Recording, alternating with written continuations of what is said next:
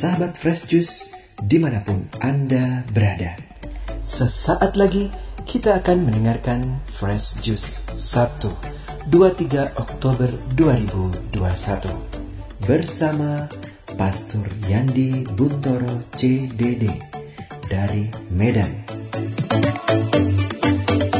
Segenap tim Fresh Juice juga mengucapkan selamat hari ulang tahun bagi Pastor Yandi Buntoro yang pada hari ini tepat berulang tahun. Kami doakan semoga selalu diberikan kesehatan dan sukacita dalam karya dan pelayanan. Akhirnya, mari kita mendengarkan renungan hari ini.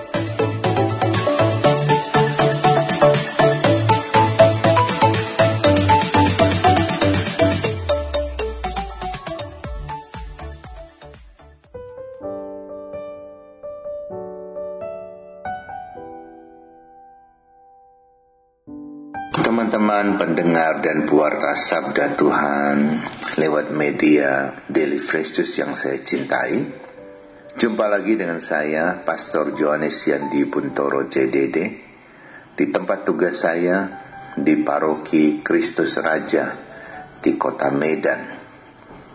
Injil kita pada hari ini diambil dari Injil Suci menurut Santo Lukas, bab 13, ayat 1 sampai dengan 9. Pada waktu itu beberapa orang datang kepada Yesus dan membawa kabar tentang orang-orang Galilea yang dibunuh Pilatus, sehingga darah mereka tercampur dengan darah kurban yang mereka persembahkan.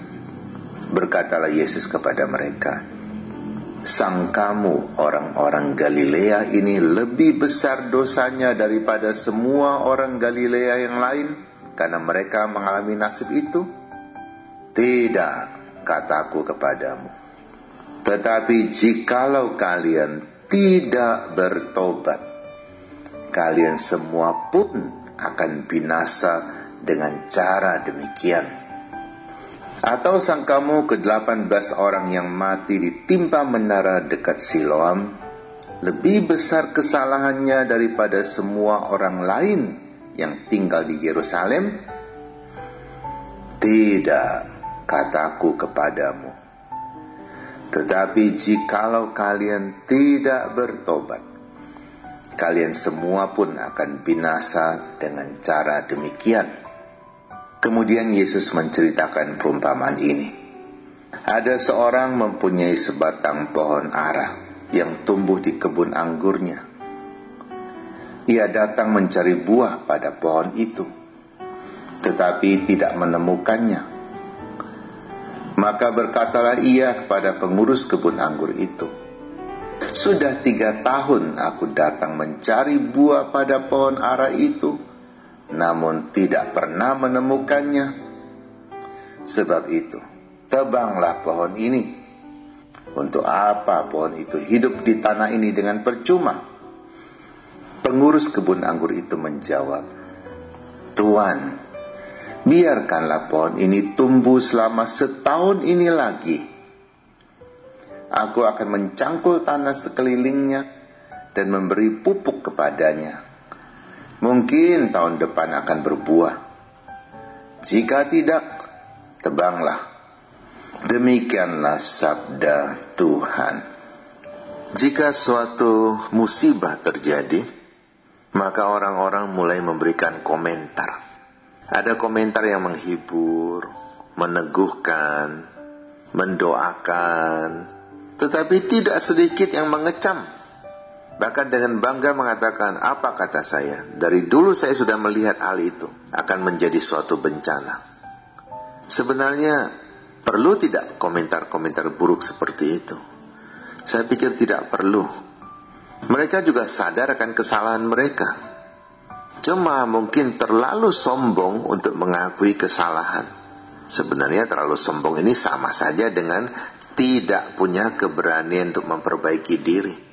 Kalau memperbaiki diri itu baik buat dia, lalu mengapa menolak? Sama saja dengan orang yang sudah berbuat salah. Kalau minta maaf akan memperbaiki hubunganmu dengan orang lain. Kenapa engkau tidak minta maaf? Apakah dengan tidak minta maaf engkau akan menunjukkan bahwa engkau orang yang hebat? Justru engkau bukan orang yang hebat. Justru engkau adalah orang yang lemah, yang tidak punya keberanian untuk memperbaiki diri. Yang dengan sengaja melepaskan kesempatan untuk membangun relasi yang baik dengan sesama. Dalam bacaan hari ini, ketika orang-orang ribut berkomentar tentang korban yang dibunuh oleh Pilatus karena mereka melakukan satu ritual yang tidak diizinkan oleh Pilatus. Yesus mengingatkan mereka dengan kata-kata ini. Kalian pikir kalian lebih baik dari orang-orang yang mati itu? Kalau kalian tidak bertobat, tidak menghasilkan buah bagi dunia, kalian pun akan mati seperti itu. Seperti itu tidak selalu harus dibunuh. Ketika kita ditinggalkan orang, tidak lagi dihargai orang, itu akan lebih menyakitkan daripada sekedar mati. Kalau mati, urusan di dunia sudah selesai. Tetapi kalau kita masih hidup di dunia, tetapi diabaikan orang, tidak didengarkan orang, tidak lagi dihargai, saya pikir ini lebih buruk daripada kematian. Karena akan kita alami terus-menerus dalam waktu yang lama. Maka Yesus mengingatkan dengan satu perumpamaan. Ada kebun anggur, di tengahnya ada pohon arah. Nah pohon arah ini ternyata sudah lama ditanam tetapi tidak berbuah. Maka pemilik kebun anggur berencana menebang pohon itu karena dianggap tidak ada gunanya, hanya menghabiskan tenaga untuk merawatnya, menghabiskan nutrisi dalam tanah saja. Lebih baik menanam pohon yang berbuah saja. Maka pengurus kebun anggur datang kepada tuan itu. Tuan, berilah kesempatan satu tahun lagi. Saya akan memumpukinya dengan baik. Siapa tahu dia berbuah nanti. Kalau tidak berbuah, tebanglah. Itu artinya apa? Bisa saja karena selama ini ia tidak merawatnya dengan baik. Bisa saja memang pohon ini tumbuh di tanah yang tidak cocok untuk dia. Maka ia tidak berbuah. Jadi ada kesalahan yang harus diperbaiki di sini. Di dalam kehidupan kita juga. Tidak sedikit orang yang dari kecil sudah pintar. Tapi ia tidak dipupuk dengan baik. Tidak dididik dengan baik, atau ia ada di lingkungan yang tidak baik, seperti pohon yang ditanam di tanah yang tidak tepat, maka kepintarannya bisa menjadi kepintaran yang justru untuk melakukan kejahatan, hal-hal yang merugikan masyarakat, atau ada orang lain yang dari kecil tidak terlalu pintar, tetapi dia ada di lingkungan yang baik Orang tuanya tekun merawat dia. Orang tuanya memberikan kesempatan pada dia untuk menempuh pendidikan. Orang-orang sekelilingnya juga menghargai dia, tidak hanya mengeritik-ngeritik saja. Maka orang yang tidak terlalu pintar ini bisa juga mencapai suatu hasil, meskipun kalau dibandingkan dengan orang yang pintar, dia perlu waktu yang lebih lama.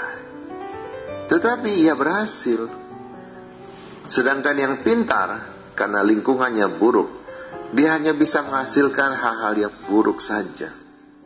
Pohon buah memang harus menghasilkan buah, tetapi tidak semua buah baik.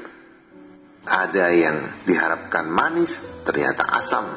Ada yang diharapkan matang, tetapi tidak matang-matang. Ada buah yang justru membuat orang mabuk, bahkan mungkin mati karena beracun.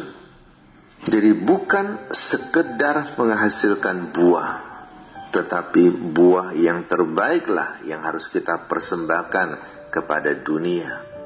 Di paroki kami, kami sedang menyiapkan diri untuk memilih calon-calon pelaksana harian dalam DPP kami dan juga calon-calon ketua lingkungan.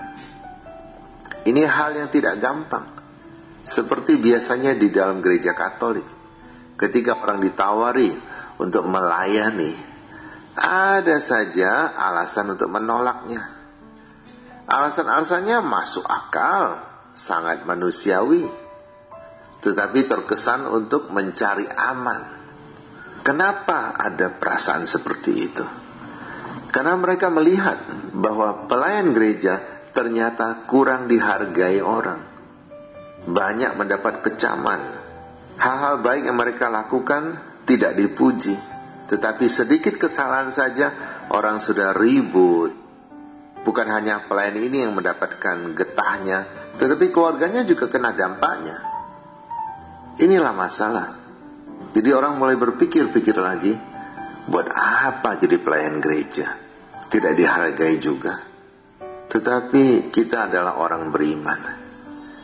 Kalaupun kita sudah berbuat baik dan tidak dihargai oleh orang-orang sekeliling kita, apakah Tuhan sama dengan orang-orang sekeliling kita? Tidak. Tuhan melihat apa yang kita buat. Tuhan menghargai itu.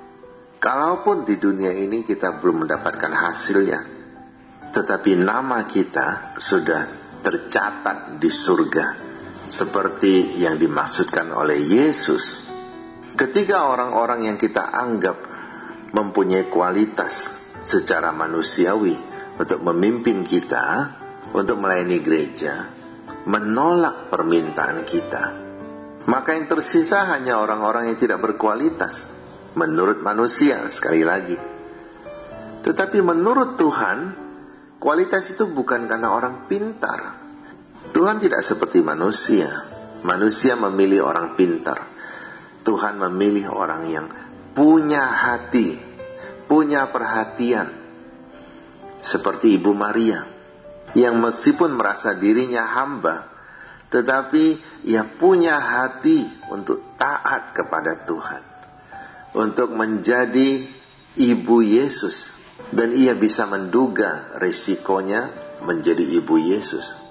Saya ingat akan bacaan kitab Hakim-Hakim bab 9 ayat 7 sampai dengan 15. Ketika pertumbuhan merasa perlu dipimpin oleh seorang raja, karena kalau tidak dipimpin oleh raja, keadaan kacau, orang saling merugikan.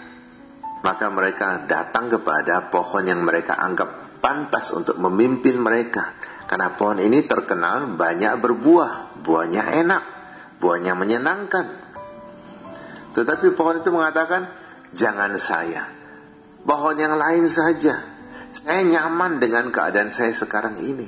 Saya tidak mau direpotkan karena ia tahu bahwa menjadi pemimpin itu tidak gampang, akan repot sekali. Akhirnya yang tersisa hanya semak berduri. Maka mereka terpaksa datang kepada semak berduri. Tolonglah pimpin kami. Semak berduri dengan sombongnya berkata, Baik, kalau kalian memilih saya, kalian harus taat kepada saya.